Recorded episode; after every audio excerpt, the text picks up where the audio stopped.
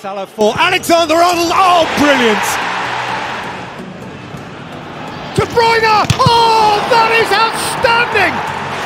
Sigurdsson urged to shoot, responds, scores. Everton win.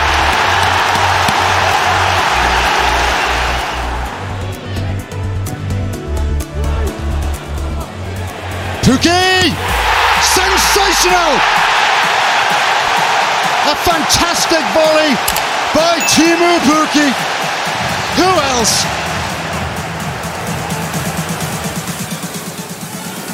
Douglas Luiz. Oh wow! Well, that's made up for his early error. It's a wonder goal for Douglas Luiz. Coutinho.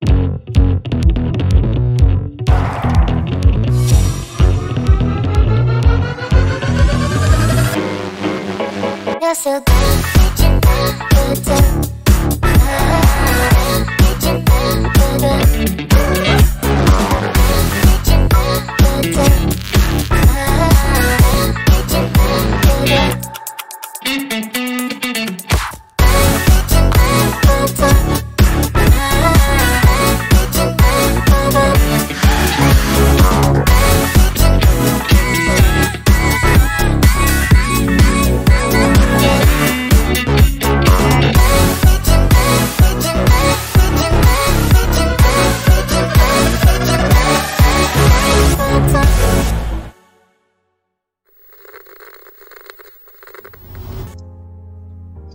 pagi, siang, sore, malam. Selamat datang di podcast perdana kami, AFK Podcast Premier League. Jadi kita bakal ngebahas isu-isu menarik di Premier League dan menyambut musim awal 2020-2021 kita pasti diawali dengan namanya uh, transfer tuh. Jadi tiap musim kan ada awal transfer. Nah, kita mau bahas nih transfer-transfer mana musim 2020-2021 ini. Tapi gue nggak bakal sendirian nih, gue bakal ditemenin oleh teman-teman gue. Ada Bang Reza, Enak nih sekarang abang nih. Tadi aja lo bapak. Gue. ada Om Ade, Yap, hadir. ada Bang David, Om cuy. Hadir, hadir Mas Simon. dan Gak konsisten nih. yang baru saja bergabung dengan Bapak Dito. Nah, iya, sekarang lo kita bawa dia. enggak bukan bapak ya sorry. Oh iya, sama-sama. Maaf telat tadi soalnya ada biasa Iya tuh. Tadi gue dipanggil bapak, sekarang Dito yang panggil bapak. Oke. gak konsisten nih nih. Ini kan para pencinta FPL nih. Ah, Wow. tapi kira-kira nih dari klub-klub kesukaan kalian di IPL nih, ada gak sih yang udah konsisten atau dari pemain barunya nih? Ada sih ada gak sih yang udah konsisten untuk tiga game pertama? Mungkin ada yang mau ngomong dulu pertama. Nah, tuh dulu nih? Manchester biru tuh, Manchester biru tuh. Oh iya. hadir. Oke dari gimana? Man City dulu ya. Kalau untuk musim ini Man City mendatangkan beberapa pemain di beberapa posisi. Ya, so far sih masih B aja ya karena mungkin proses adaptasi. Dan Benny juga apa nih Benny? biasa aja. Oh, Nah, bukan kirain bahu. kira bagus.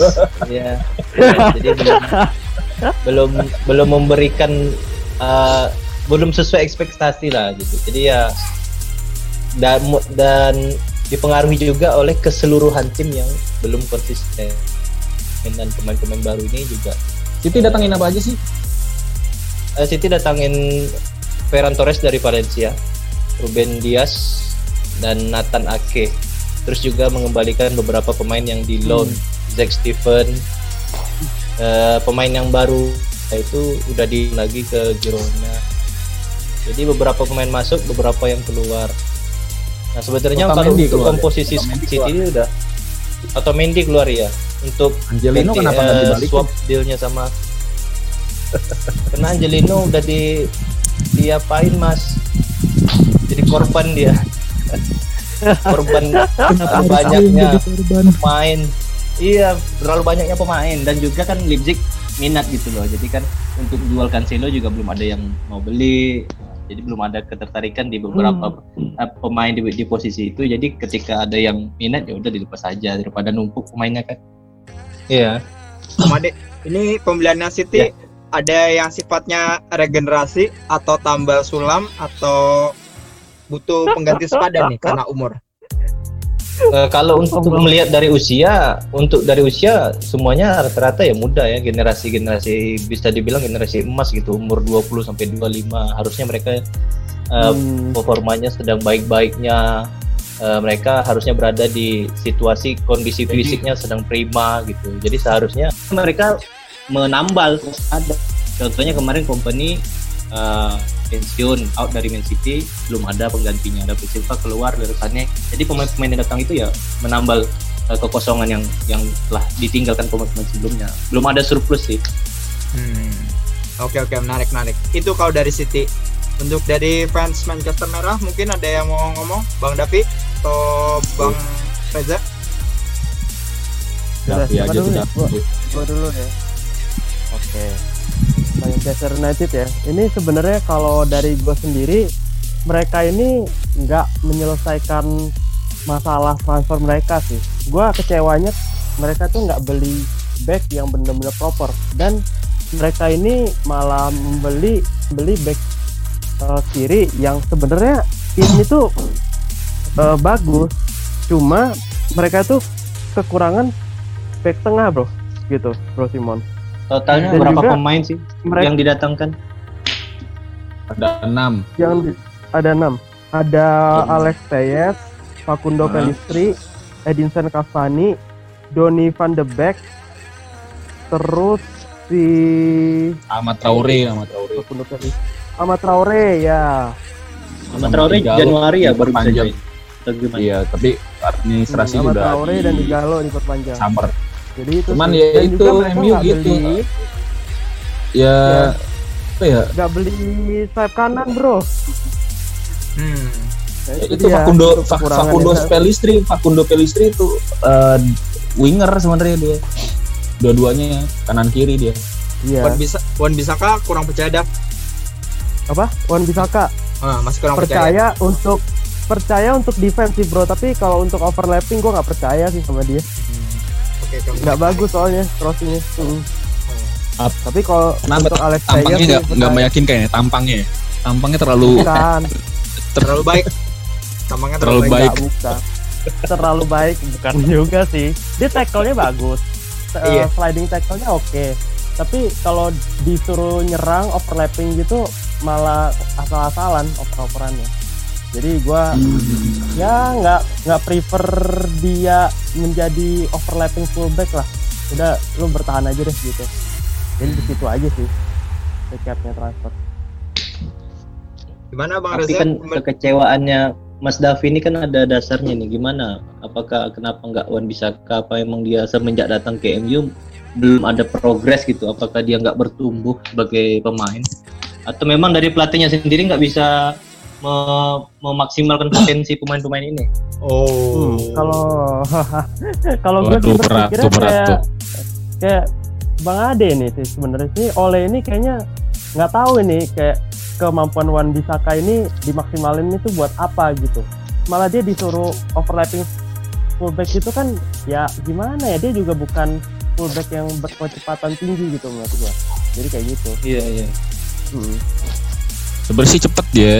Cuman masalahnya timingnya dia kurang belum belum fasih dia untuk jadi tipikal pemain yang bantu serangan. Sebenarnya Hmm. timingnya aja nih bermasalah dia jadi timing. Udah gitu masalah kalau Ole ya, Ole mau ngedatengin pemain bagus kayak apa juga hasilnya sama aja sih. Jangan ngarep aja fans Manchester United juara. Jangan ngarep. Udah empat besar aja udah bagus. Iya, malah saya berharap dalam lubuk hati saya tuh Liverpool gitu treble gitu kan biar manajemennya sadar gitu. Mau diar kalau Liverpool treble. iya, nggak apa-apa lah udah musim ini udah Liverpool treble deh. Itu biar pada Kalau- sadar gitu nih oleh Kalau jangan dong. sih pengen Jangan dong, jangan dong. Man City-nya mau juara lagi. Eh, jangan dong. Nah, ini Oke oke, masalah juara Ini di- nanti dulu. Ba- Bang Dito, Bang Dito, gimana pendapatnya? Klub idolanya, pembelian, puas? sejauh ini menurut gua saya, saya saya saya cukup puas dengan eh, pembelian Liverpool dan Thiago Thiago Eh, Thiago kita lihat juga dengan hadirnya dia mampu memberikan istilahnya pengaruh positif buat buat starting eleven Warna buat baru ya. warna baru jadi nggak sel- jadi nggak jadi nggak selalu eh, serangan itu berawal dari dari wingback dan diharapkan dengan hadirnya Thiago mungkin wingback ini bisa lebih tenang dalam menjaga area pertahanan terus itu yang pertama yang kedua Diogo Jota Hmm. masuknya itu kalau nggak salah pas lawan Arsenal ya menit menit ke 70 apa 65 gitu. Mungkin sudah bisa terlihat terlihat peran, perannya waktu full starter lawan Aston Villa yang kalah karena kecelakaan Oh iya, kita kecelakaan bareng tuh pekan kemarin ya. Ya, Ah, ya, silakan bareng kita. ya itu sudah terlihat lah bagaimana peran dia untuk bermain di winger menggantikan Sadio Mane yang pada saat itu cedera terus eh, terakhir kalau si Mikas eh, belum kelihatan belum kelihatan ya mungkin dia eh, akan bisa di, akan bisa digunakan di eh, ajang Piala FA karena kan Piala eh, Carabao kan sudah tidak lanjut lagi mungkin Kostas bisa dimaksimalkan potensinya di situ sebab dan mudah-mudahan kualitasnya bisa seimbang dengan Robertson. Cuma permasalahannya Liverpool ada di kiper. Hmm. Hmm, nih, menarik nih, menarik, menarik. Backupnya cukup mengkhawatirkan ya. Di mana kita lihat Adrian Cukup- kemarin ya Cukup menggemaskan. Backupnya Sangat- cukup menggemaskan. sangat mengkhawatirkan. Alisson cedera, Adrian nah gitu. Gua sebenarnya udah kesel gitu dari musim lalu. Kenapa Adrian? Kenapa nggak stay aja dengan Karius malah di loan lagi dong ke mana Bundesliga ya Union Berlin Ya. Hmm. Iya. Kelleher Kelleher masih 20-an tahun sekitar segitu masih itu pengalaman lebih banyak lagi itu saja dari saya mungkin kalau treble ya hmm, Gimana nih? Optimis aja ya. Soalnya tengahnya Iya. mantep nih soalnya nih. Thiago, Wijnaldum, Henderson, Fabinho, belum lagi Nabi Keita tuh. bilang stok stoknya banyak ya Liver- Liverpool tuh cuman kalau dari pendapat gue sih meng- mengandalkan Fabinho sebagai center back agak riskan ya. Soalnya dia lebih lebih ak- lebih aktif dalam eh, membangun motor serangan. Kalau dia lebih sering meninggalkan posnya ya agak bahaya juga sih. Kalau harus Van Dijk nanti eh, areanya center, eh, center back harus di backup sama Trent atau Rob Robertson itu agak riskan juga sih kalau menurut gue gitu. Hmm, oke oke. Hmm, Oke oke. Nah itu kan kalau tadi pendapat kita tentang uh, pembelian pemain-pemain dari tim kesukaan kita nih masing-masing. Uh, Iya. Tapi kalau kan uh, kita semua udah pada nonton nih uh, Liga Inggris untuk tiga game awal. Kira-kira menurut Iya. kalian tuh Iya, iya. tim mana sih yang paling uh, ngeklik gitu sama pemain-pemain barunya? Ada yang mau mulai dulu mungkin, Bang Ade? Eh, kalau Everton sejauh ini Everton, Everton ya. tuh. Everton ya, mendatangkan Alan, James Rodriguez sama Dokore itu terlihat sekali kontribusinya langsung bisa nge-tune in gitu loh dengan keinginan Ancelotti. Jadi apa yang diinginkan Ancelotti itu benar-benar mereka terapkan di lapangan dan hasilnya positif. Sejauh ini positif ya. Mereka bisa gacor mencetak Kali menang gol. ya. Iya. Iya. Dan dan Nah, pemain-pemain mereka itu lagi di track yang benar gitu loh. Jadi tapi menurut Harvey gue sih, itu konsisten cetak gol gitu. Jadi jam James pun terus bisa memberikan assist, bisa memberikan cetak gol. Enggak enggak naik turunnya enggak terlalu drastis. tapi Gimana kayaknya masalahnya di kiper ya bro ya. Everton Pickford ini. doang sih yang jadi Iya. beban. Iya, mau eh, mungkin itu ini. jadi PR PR selanjutnya bisa bisa nanti eh, gimana si Ancelotti-nya tuh yang memikirkan itu harus harus ganti atau memang dicari dicari saingannya atau memang Pickford ini harus dijual. Untuk level yang yang diinginkan ini Everton udah dapatkan pelatih bagus, pemain bagus gitu loh. Harusnya ya sekalian aja kipernya dibagusin di setiap lini dibagusin gitu. Sayang aja yang di depannya udah bagus di belakangnya malah ma- kurang maksimal. Iya, iya. bagus Nah. sih mereka. Maksudnya kayak James Rodriguez, Lucas Digne, terus Gylfi Sigurdsson, ada pengumpan-pengumpan gitu lah mereka. Jadi sesuai dengan taktiknya Ancelotti gitu. Iya iya. Nah, Calvert Lewin juga ini juga bisa dapat bola-bola yang bola-bola Hmm. yang bisa datang peluang besar dan kebukti dia di empat awal awal match saja udah lebih aktif dalam mencetak gol udah berapa gol sih sekarang uh, Everton Ah, 12 betul. gol. Everton memasukkan 12 gol dan kebobolan 5. Ya. Calvert Lewin berapa gol? Oh, kalau Kev- uh, Liverpool-nya Data 6 gol deh. 6 gol. 6 gol. 6 gol. Berarti Yang- 50% yang pakai gol Everton Wah, musim ini udah gol. dicetak. Calvert Lewin ya. Ah, berarti buat teman-teman yang main FPL mungkin lagi dengerin podcast kita, boleh mempertimbangkan uh, Kevin. Kevin. Kalau soalnya enggak. Kalau Kevin ya. Kalau gua eh, selain Everton sebenarnya ada dua tim lagi yang efektif di bursa transfer dan impactnya kelihatan yaitu Leeds United sama Aston Villa. Hmm. Gue bahas Leeds United dulu deh. Oke. Kalau Leeds United nih mereka dia banyak keluar pemain juga, cuman dia mendatengin benar-benar pemain yang eh, levelnya sesuai dengan Liga Inggris. Maksudnya eh, dia tinggalkan banyak pemain yang kurang eh, kapabel untuk eh, Liga Utama Inggris, tapi dia datangkan pemain-pemain lain yang secara kemampuan mental itu oke ya. Ya. Contohnya aja kita udah lihat aja tuh eh, kesibukannya Leeds United dari ngedatengin eh, Rodrigo dari Valencia, Hmm. terus ngedatengin Robin Koch ya kan. Yep. Eh, lalu Jack Harrison tetap diperpanjang pinjamannya dari Manchester City. Lalu datengin pemain Wolf Wolverhampton ya, itu Helder Costa. Datengin Il- Ilan Meslier dari Lorient. Lalu datengin Diego Lorente loh. Diego Lo- Lorente dari Real Sociedad dia datengin dan terakhir dia datengin dari Juventus. Itu kan betapa niatnya Leeds United untuk kom- compete ya di Premier League musim ini dan eh, ingin menyanggah dan me- apa eh, membuka banyak kritik bahwa Leeds United cuma one season wonder di Champions League musim lalu dan di Premier League mereka akan kesulitan ternyata di empat pertandingan awal mereka udah dapat 7 poin. Bayangin aja 7 poin. Dia kalah sekali dari juara bertahan dari Liverpool dan kalahnya juga nggak malu-maluin kalah 4 lalu dia bisa menang dua pertandingan beruntun dan bisa nahan imbang Manchester City dan itu gila tuh. Sih eh, efektif banget kalau Leeds United. Dan satu lagi Aston Villa yang nggak di nggak diperhitungkan.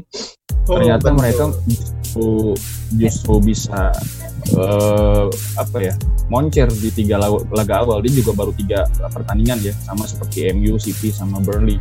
Nah Aston Villa ini juga ngedatengin pemainnya efektif sih kalau gue lihat. Dia datengin tiga pemain dari kasta bawah yaitu Ben Citizen dari Exeter. Lalu datengin Matty Cash dari Forest ya Nottingham Forest. Datengin goal getternya Brentford Oli Watkins. Watkins. keep ya kipernya Arsenal yang moncer di eh, sisa musim kemarin Emiliano Martinez. Dan dua pemain kunci lagi yang Nah, didatengin ini nih. sama Aston Villa. Bertrand Traore dari Lyon sama Ross Barkley di last minute ya dari Chelsea. Dan gua gila aja sih lawan Liverpool. Gila. Ross Barkley itu udah udah nyetel banget sama permainan Aston Villa gitu. Dan intensitas sama sama apa harmoninya bermain dengan pemain-pemain baru di Aston Villa ini Barkley gila juga sih malah malah malah apa moncer dia di Aston Villa Iya, ini dua tim ini efektif ya Ah. selain Everton dari statistik juga nih Aston Villa memang kalau boleh lihat emang gacor. Mereka udah masukin 11 gol dan baru kemasukan 2 gol doang. Jadi Hmm. uh, selisih Wow. golnya uh, selisih golnya tuh paling banyak untuk uh, 4 game uh, 4 game Liga Inggris walaupun mereka baru main 3 game ya. Tapi Dia baru 3 game loh, dia 11 gol. Iya, Cetak 11 gol itu 11 gol. termasuk Gila empat besar banget dia. ya. Iya. Dia Center rata-rata per, per, kan per Aaron- gamenya Aaron Mings ya. Iya, Mings. ya backnya Termin. Aaron Mings ya waduh gila Dia kan per game per gamenya itu berarti dia udah bisa cetak 3 gol lebih ya per gamenya. Iya. Gila itu. Gila ya Iya. Berarti itu tadi tiga tim untuk yang kita sepakat semua adalah Everton yang udah jelas banget gacor dan sekarang lagi memimpin klasemen. Kemung eh, Termasuk kemudian Leicester, Leicester termasuk efektif sih kalau bilang Leicester dan Arsenal nggak bisa kita uh, tutup mata sih Iya, Leicester, iya. Arsenal, Iya, Liverpool itu benar. termasuk efektif ya. Cuma kalau Liverpool kita sampingin dulu kenapa? Karena mereka kan juara ya, juara bertahan. Kalau Leicester ini gilanya dia datengin pemain dari Atlanta yang benar-benar punya apa peran besar banget ya eh, di awal musim ini. Si Kastanye ya Kastanye itu hmm katanya Uh, Kastanye. dia, dia ngebentuk apa chemistry dengan dua pemain Belgia lainnya yang udah lebih dulu di Leicester yaitu uh, Fred sama Tilmang ya. Itu Demang jadi uh, waktu gue lihat uh, Leicester bisa menang dari City di Etihad itu gue ngelihat peran mereka bertiga ini gila kenapa? Karena saat Manchester City position ball mereka sama sekali goyah dari posisinya. Dia benar-benar jaga jaga jaga daerahnya. Dan nggak nggak ngasih Manchester City pemain City bergerak bebas ya yang yang eh, apa pemain yang nggak nggak pegang bola itu ya cari posisi itu nggak nyaman gitu. Jadi sementara eh, Jamie Jamie Vardy diplot jadi defensive eh, forward untuk cari bola di depan ngeganggu pergerak apa eh, pergerakan pemain City yang pegang bola. Ini ini ini cer- eh, cerdas sih eh, yang dilakukan oleh Rodgers dan tim hmm. Belgia ini sentral. Mereka nggak cuman kuat eh, duel, cuman bagus dalam clearance, nggak cuman bagus dalam intercept bola, tapi dia juga mampu banget jadi good passer ya. Passer Hmm. passernya tiga pemain ini terbiasa sukses ya gitu Hmm, oke kalau Arsenal nih Arsenal yang gua suka mereka memang nggak nggak nggak gimana gimana ya di bursa transfer banyak eh, pemain yang pakai incar tapi nggak dapet juga tapi ternyata backup ya, ya. ya gimana bang? Arsenal tuh Arsenal eh, mempertahankan Pablo Mari sama Cedric Suarez di pertahanan ya. Terus eh, mereka ngerekrut gratisan ya William William dari Chelsea. Oh William betul betul. Hmm. Heeh.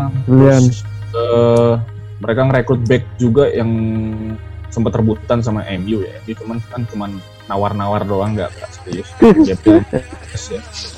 Gabriel kembali meminjam pemain sentral mereka musim lalu di Denis Seba- Sebalos dan di last minute mereka dapetin dapetin Thomas Partey itu buat gua efektif ya efektif ya apalagi El Neni Hmm. balik lagi kan dari masa Iya. pinjaman Iya, iya. gua gua suka apa yang dilakuin Arteta mereka eh, banyak opsi di tengah Iya, benar. sebagai uh, pemain-pemain yang bawa winner semua yang bagus di positioning juga dan walaupun kalah dari Liverpool 3-1 ya itu sebenarnya masalahnya di kreativitas aja sih. kreativitas Hmm. Tapi yang gue mungkin mau ditambahin eh, Tapi yang Wah, ini eh, Arsenal tuh ini ya stockpile atau numpuk di defensive midfieldernya ya ada Shaka, Gondozi, Thomas Thomas sih. Partey juga juga DM ya kalau nggak salah. Iya, Arteta ini mau mau Iya. mau bermain eh, minimal dua pemain yang tipikal sama, yaitu antara El Neni dengan Partey mungkin nanti yang bakalan jadi jenderal di tengah untuk apa eh, menjadi ball winner ya. hmm, dia bawa Saat- winner. Eh, tim-tim lain sudah pegang bola, ya mereka yang harus harus membaca alur bola nih, yang yang mereka dan mereka ini bukan pemain-pemain yang yang jelek dalam hal itu, mereka sangat baik dalam eh, apa eh, membaca pergerakan bola dari eh, lawan. Gitu. Dan kalau dua pemain ini diplot Arteta untuk untuk jaga lini tengah Arsenal, sih warning aja sih sama tim-tim lainnya. Jangan jangan harap bisa bisa kayak Liverpool kemarin 3-1 lah gitu. Ya nggak nggak nggak semudah itu juga Ferguson, ya kan? Iya. Iya. Arsenal Benar-benar. Arsenal sudah berubah musim ini. Gue bukan fans Arsenal, cuman gue melihat Arteta melakukan kerjaannya dengan baik so far. Hmm. Ini masalahnya cuman kreativitas itu. Kreativitas ya berarti ya. Minim, minim, minim pemain yang kreatif di depan gitu loh. Karena tipikalnya eh, pemain-pemain Arsenal itu yang di depan itu ya finisher di final third. Jadi kalau nggak ada yang supply ke depan juga bingung juga. Hmm. Ya lawan Liverpool lihat aja deh. Minim kreativiti, eh, kreativiti banget tuh. Kita belum bahas ini, Chelsea nih dari tadi nih kayaknya nih. oh ya Chelsea belum ya. Ya, Iya, Chelsea yang yang yang jajannya paling banyak tuh. Iya. Coba Chelsea lah Mas ya. Ade ini. silakan lihat Ah, Chelsea dulu ntar gue tambahin. nih? Kalau lihat Chelsea sebenarnya pembelian-pembelian pemainnya ya sesuai lah dengan apa yang diharapkan Lampard dan pemain-pemain yang datangkan juga bukan pemain-pemain yang jelek ya. Hmm. pemain-pemain yang di klub sebelumnya itu menjadi andalan seperti Kai Havertz Key player Ada semua, key player lah. iya. Parah ya. didatangkan tuh key player gitu. Kim jadi Lampard seperti ingin membuat dream teamnya sendiri gitu. Tapi sayangnya kita belum bisa melihat secara keseluruhan pemain-pemain barunya ini tampil. Cuma beberapa sih yang udah tampil kan. Iya. Werner, Havertz dan sama Thiago Silva kemarin ya yang main Chilwell, Chilwell udah tampil. ya Ben Chilwell ya Chilwell. Nah itu Ben Chilwell itu positif positif sekali itu pembelian yang sangat baik ya karena kita tahu eh, Palmer Emerson itu agak agak kurang kalau menurut menurut gue ya agak kurang bukan levelnya Big Six lah kalau bisa dibilang gitu. Sedangkan untuk Marcus Alonso pernah berjaya pada masanya mungkin sekarang udah mengalami penurunan. Hmm, Oke. Nah, itu pendapat jadi Bang winger dia. itu Iya. pendap- Bang uh, Reza pendapat gimana Bang, nih? Ad- Bang Ade menurut uh, pendapat Chelsea menurut Bang Ade. Nah, kita mau dengar juga nih pendapat Chelsea menurut teman-teman yang lain tapi kita break dulu sebentar.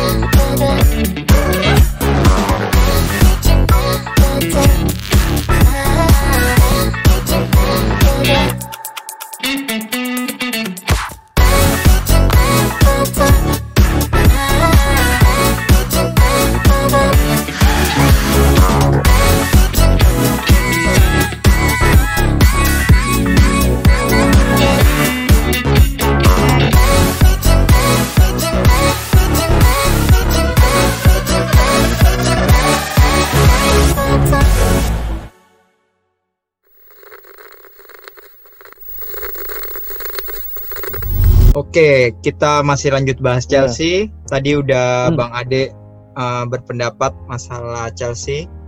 Uh, Iya. Gimana menurut David Chelsea pembelian yang musim ini? Chelsea menurut gue sih mereka itu benar-benar aktif ya. Jadi kayak eh, target mereka itu benar-benar top target mereka tuh dapet aja gitu. Entah karena emang negosiatornya ulung banget atau gimana. Tapi kalau dari gue sendiri sih eh, mereka tuh benar-benar nggak menyelesaikan masalah di musim lalu sih bro. Kayak kiper aja mereka tuh belinya seorang Edward Mendy. Padahal Edward Mendy dan Kepa ini menurut gue ya nggak beda jauh sih skillnya gitu. Terus untuk back tengah eh, menurut gue sih lebih kayak harus beli back back yang umur 25-26 sih bro yang jago gitu. Jadi untuk gue sih hmm, ini masih bisa dibenahi lagi sih buat Chelsea. Jadi 50-50 lah antara mereka berhasil atau enggak gitu. Gitu sih bro. Uh, pembelian Chelsea juga ada backnya PS gitu. Tuh, aduh, kurang ya. Thiago Silva. Eh, Thiago Silva sih bagus aja tapi dia di umur 36 kayak gini kan dia cuma kontraknya satu tahun nih bro. mhm. Jadinya ya bukan untuk 50-50 jangka panjang lah ya. Uh-uh. Ya bukan untuk jangka panjang gitu. Gitu. Gimana, Tito? Pembelian Chelsea musim ini? Kalau dari yang gue lihat ya dari beberapa dari beberapa aktivitasnya memang udah kelihatan ya aktif aktif banget malah dan tujuannya tujuannya bagus sih untuk memperkuat beberapa eh, lini-lini yang memang dirasa penting. Cuman kalau dari yang gua lihat dan rasakan gitu ya eh, belum ada ini sih kemis chemistry-nya belum terhubung antar antar satu sama lain kayak kayak misalnya Werner eh, belum terlihat belum kelihatan kalau kata gua dan eh, Lampard masih lebih mempercayakan Mason Mount sebagai eh, starting eleven-nya. Hmm. Ya Mason Mount ya ini ya. Iya, sih, dia di, di beberapa pertandingan ini gue nggak ngerti sih kenapa Lampard terus masang dia gitu. Iya benar. Berarti masalahnya untuk Chelsea dan Liverpool tuh beda tipis ya di da- daerah kiper juga nih. Hmm, iya. Oke. kurang Cuman masalahnya kalau kalau kalau Chelsea kiper kualitas nggak jelek. Masalahnya kan kalau Kepa itu kan hanya attitude doang ya kan, sama konsistensi aja nih. Ya. Semuanya kan sumbernya kan dari attitude. Kalau attitude-nya udah bisa bener aja, itu bocah bagus lagi. Ya. Nah, kalau Liverpool ini kan backupnya bener-bener gimana ya? Alisson cedera panjang, Adrian main terus ya siap siapa ya Liverpool banyak lepas poin karena kalau percuma juga bisa cetak gol 3 kalau kebobolan 3 ya kan Hmm. Hmm. Tuh eh, literally back backnya yang harus kerja keras ini mah kalau Ya itu dia iya. Nah, makanya itu.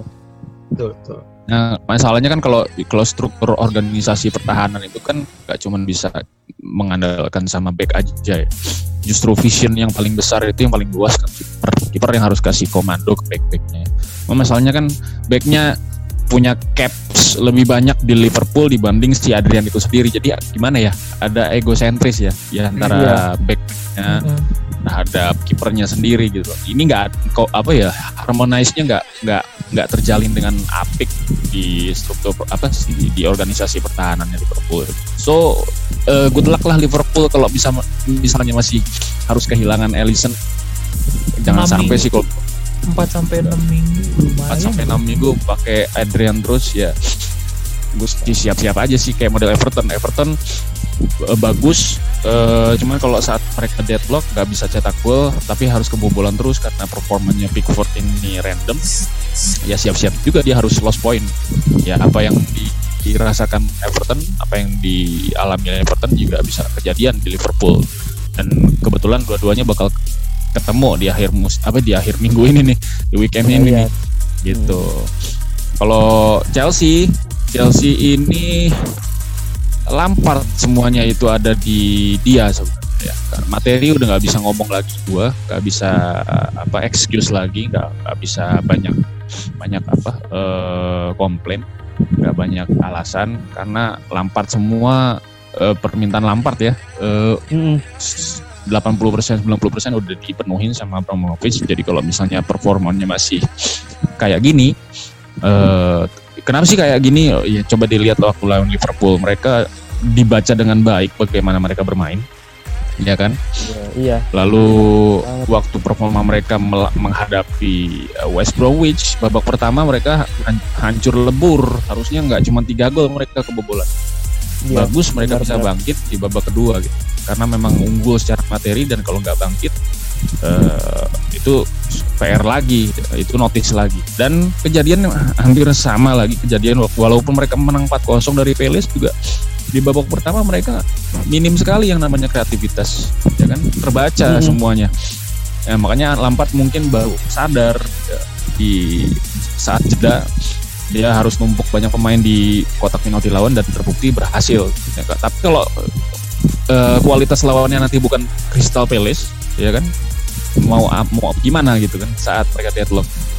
Hmm. Bingung juga ya mereka. Bah- bah- eh, sedangkan mereka kalau udah eh, lost possession eh, struktur struktur organisasi pertahanan mereka juga masih belum belum apa perform eh, maksimal ya. Thiago Silva masih harus adaptasi. Kita nggak bisa Iya. pungkirin dia dia bagus di PSG PSG. tapi Hmm. belum bisa belum bisa eh, dipastikan dia akan bagus terus di Chelsea. Konsistensinya juga belum bisa kita baca karena lawan West Bromwich aja mereka ya kayak back amatiran ya di babak pertama. Iya. kayak back yang baru main bola gitu. kaget dia kaget kaget karena dengan intensitas yang sangat tinggi di Premier League eh, dan juga pemain-pemain eh, IPL itu kan eh, tinggi-tinggi ya. Tapi Iya, tinggi-tinggi aja speednya kenceng gitu kan eh, fisiknya ya. eh, kuat gitu. Iya itu itu yang yang bikin dia kaget. Intensitas per- eh, permainan di Premier League jauh lebih tinggi dibanding Liga Ya. kalau Spurs Spurs ya. Nah, kita kita ngomongin Spurs. Dia kalah Menarik dari nih. Everton di, di match pertama karena eh, Mourinho eh, sangat sangat eh, kalah intensitas bermain dari Everton sangat sangat kalah karena Hmm.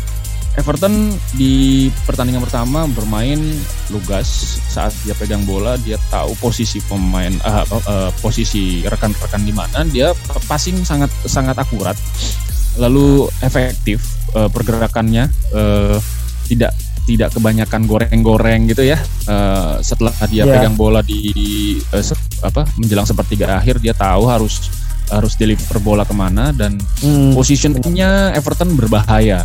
So far Waduh, empat pertandingan gila. berbahaya. Ini yang yang yang bermasalah di Spursnya waktu game pertama mereka s- eh, lack position. Dia kalah posisi dari pemain-pemain eh, Everton. Terbukti golnya Carvet Lewin. Lu bayangin aja eh, back segitu tinggi-tinggi ya punya Spurs kalah kalah timing dari Calvert Lewin itu berarti kan Hmm. posisinya Calvert Lewin sudah tepat di situ. Lucas Digne juga deliver ball-nya juga sangat baik. Ini Nah, itu udah eh, bukan ini Parah bukan ya. latihan bukan latihan satu dua kali latihan ini udah udah skema yang di yang di apa peragakan Everton sudah sangat apik diterapkan oleh Ancelotti. Ancelotti memang kita kenal kan dari sejak dia di Milan bahkan sebelum dia milih di apa di Juventus juga eh, situasi set piece juga sangat berbahaya. Nah ini yang tidak di eh, apa yang di- tidak dipunyai oleh Spurs. Tapi Spurs bangkit dengan pembelian-pembelian mereka di last minute datangnya Wah. duo Madrid ya kan. Iya, Lalu Gareth Bale, Reguilon, eh, lalu eh, siapa lagi ya? Hojbjerg, Hojbjerg, Hojbjerg Hojbjerg. dari aw- awal-awal sudah datang ya Hojbjerg Ya. ya, awal Johar. summer ya. Nah, Johar, Johar ini eh, bagus eh, sebagai backup ya. Eh, kalau Iya. Loris eh, bermasalah, ini kayaknya kiper nggak nggak ada masalah di Spurs. Cuman Iya. yang mereka perkuat benar-benar di pertahanan ya. Reguilin datang, Matt Doherty datang, Johar Hmm. datang. Bill Emir Hojbjerg di Southampton juga bagus Wah, dalam position itu. ya. Dia def- defensive midfielder juga bagus, central midfielder bagus. Dan terakhir dia uh, Spurs beli ini ya, bukan beli ya, pinjam apa beli tuh? Carlos Vinicius dari Benfica ya, pemain Hmm. depan ya. Nah, kalau Spurs gue bilang dia dapat boosternya, dapat energinya dari transfernya Gareth Bale, dapat Iya. boosternya di situ, di mana eh ide-ide yang diberikan Gareth Bale di eh, training season ya eh, training seasonnya Spurs ini membuat pemain-pemain Spurs lagi lebih eh, variatif, lebih kreatif gitu dalam dalam melihat eh, pertandingan. Terbukti waktu lawan Manchester United mereka nggak nggak nggak kebanyakan pegang bola, nggak kebanyakan delay bola, mereka harus langsung eh, tancap di posisi masing-masing saat menyerang dan efektif. Eh, pemain-pemain Spurs terlihat ganas karena juga faktornya MU juga lack uh, movement, lack position, lack aerial duel. Jadi dimanfaatkan banget seperti uji coba tandingnya Spurs nih dengan banyak ide variasi yang uh, oleh aduh gila sih itu. Hojbjerg turun ke bawah loh, build up bantuin. Memang memang memang memang Hojbjerg ini di, di, difungsikan sama Mourinho ini uh, sebagai geland- gelandang ini ya, ang- angkut Mhm. air ya bahasanya Iya. ya. dia kalau lagi nyerang dia jaga stabilitas eh, apa defensive defensive line jadi kalau lagi bertahan dia yang ngatur eh, pemain-pemain di depannya dia eh, untuk eh, jaga zonanya eh, Hmm, agar pemain MU atau pemain lawan ya itu nggak nggak bergerak leluasa untuk ngatur posisi. Jadi eh, otomatis serangan MU mentok ya deadlock ya. Untuk- Deadlock. banget sih. jadi, dengan skor 1-6 ini ini eh, perlu dinotis ya fans MU jangan terlalu fanatik juga ya. Ini kita harus Iya. eh, objektif ya. MU kalah 6-1 pantas, sangat pantas. Pantas ya. Sangat pantas. Backnya ball watcher kayak gitu. Dia dia dia kalah dari tim yang secara ide dalam bermain, dalam eh, melakukan skema permainan yang di apa di bawah Mourinho di new season ini Spurs sangat sangat variatif ya eh, bermainnya dan ke depannya Spurs juga akan berbahaya sih. Tapi semua tergantung Ifdi dan juga eh, pilar-pilar mereka bisa bisa eh, bertahan dari badai cedera apa enggak itu sih notisnya. Nah, bisa dibilang dengan eh, transfernya Bell eh, mampu menghadirkan aura positif ya di eh, Iya, pem- iya, di- itu ener- energi boosternya di situ Mas Dito. Eh, Gareth Bale gak cuma bawa energi, dia juga bawa ide dalam bermain. Karena kan moral moral timnya bisa- juga boost ya pasti Iya. pasti. Kalau Pasti kalau lah. secara secara ide sudah semakin banyak, variasi eh, apa dan kreativitinya semakin apa lengkap di dalam tim, itu moral bertanding pasti lebih lebih meningkat ya, increase lebih lebih lebih eh, meningkat pesat ya. Terbukti banget kok dari dia kalah 0-1 dari Everton. So far Liverpool, eh, sorry eh, Spurs nggak nggak kalah lagi ya. Dia dua Hmm. kali menang dan satu kali seri ya. Iya. Belum Hmm. lagi aura aura Bell yang udah pernah bawa Real Madrid Liga Champion pasti bakal jadi mood booster banget buat teman-teman di Spurs sekalian. Juara, Bro. Ah, Bukan membawa ke final doang juara, Bro. Ih, sampai juara betul betul. Juara, Bro. Tiga, tiga kali dia bawa Madrid juara ya. Ah, Empat atau tiga tuh? nah, Empat. Tiga kali dia. tiga tiga Tiga kali empat tiga ya? tiga tiga. Tiga kan ya? Nah, iya tiga Nah, demikian eh, bahasan kita mengenai eh, transfer bursa pemain di musim panas. Eh, banyak yang kecewa juga, tapi ada juga yang eh, iri juga mungkin lihat pemain-pemain lawan dengan pemain-pemain baru yang lebih gacor. Kita masih nunggu, masih ada sekitar 34 pertandingan lagi, semuanya masih bisa terjadi. Terus masih ada eh, bursa pemain musim dingin juga. Uh, thank you Davi, Bang Reza, Ya. sama Bang Dito waktunya. oke Uh, siap next kita bakal bahas pertandingan uh, review pertandingan untuk game week kelima. Stay tune. See you. Yap.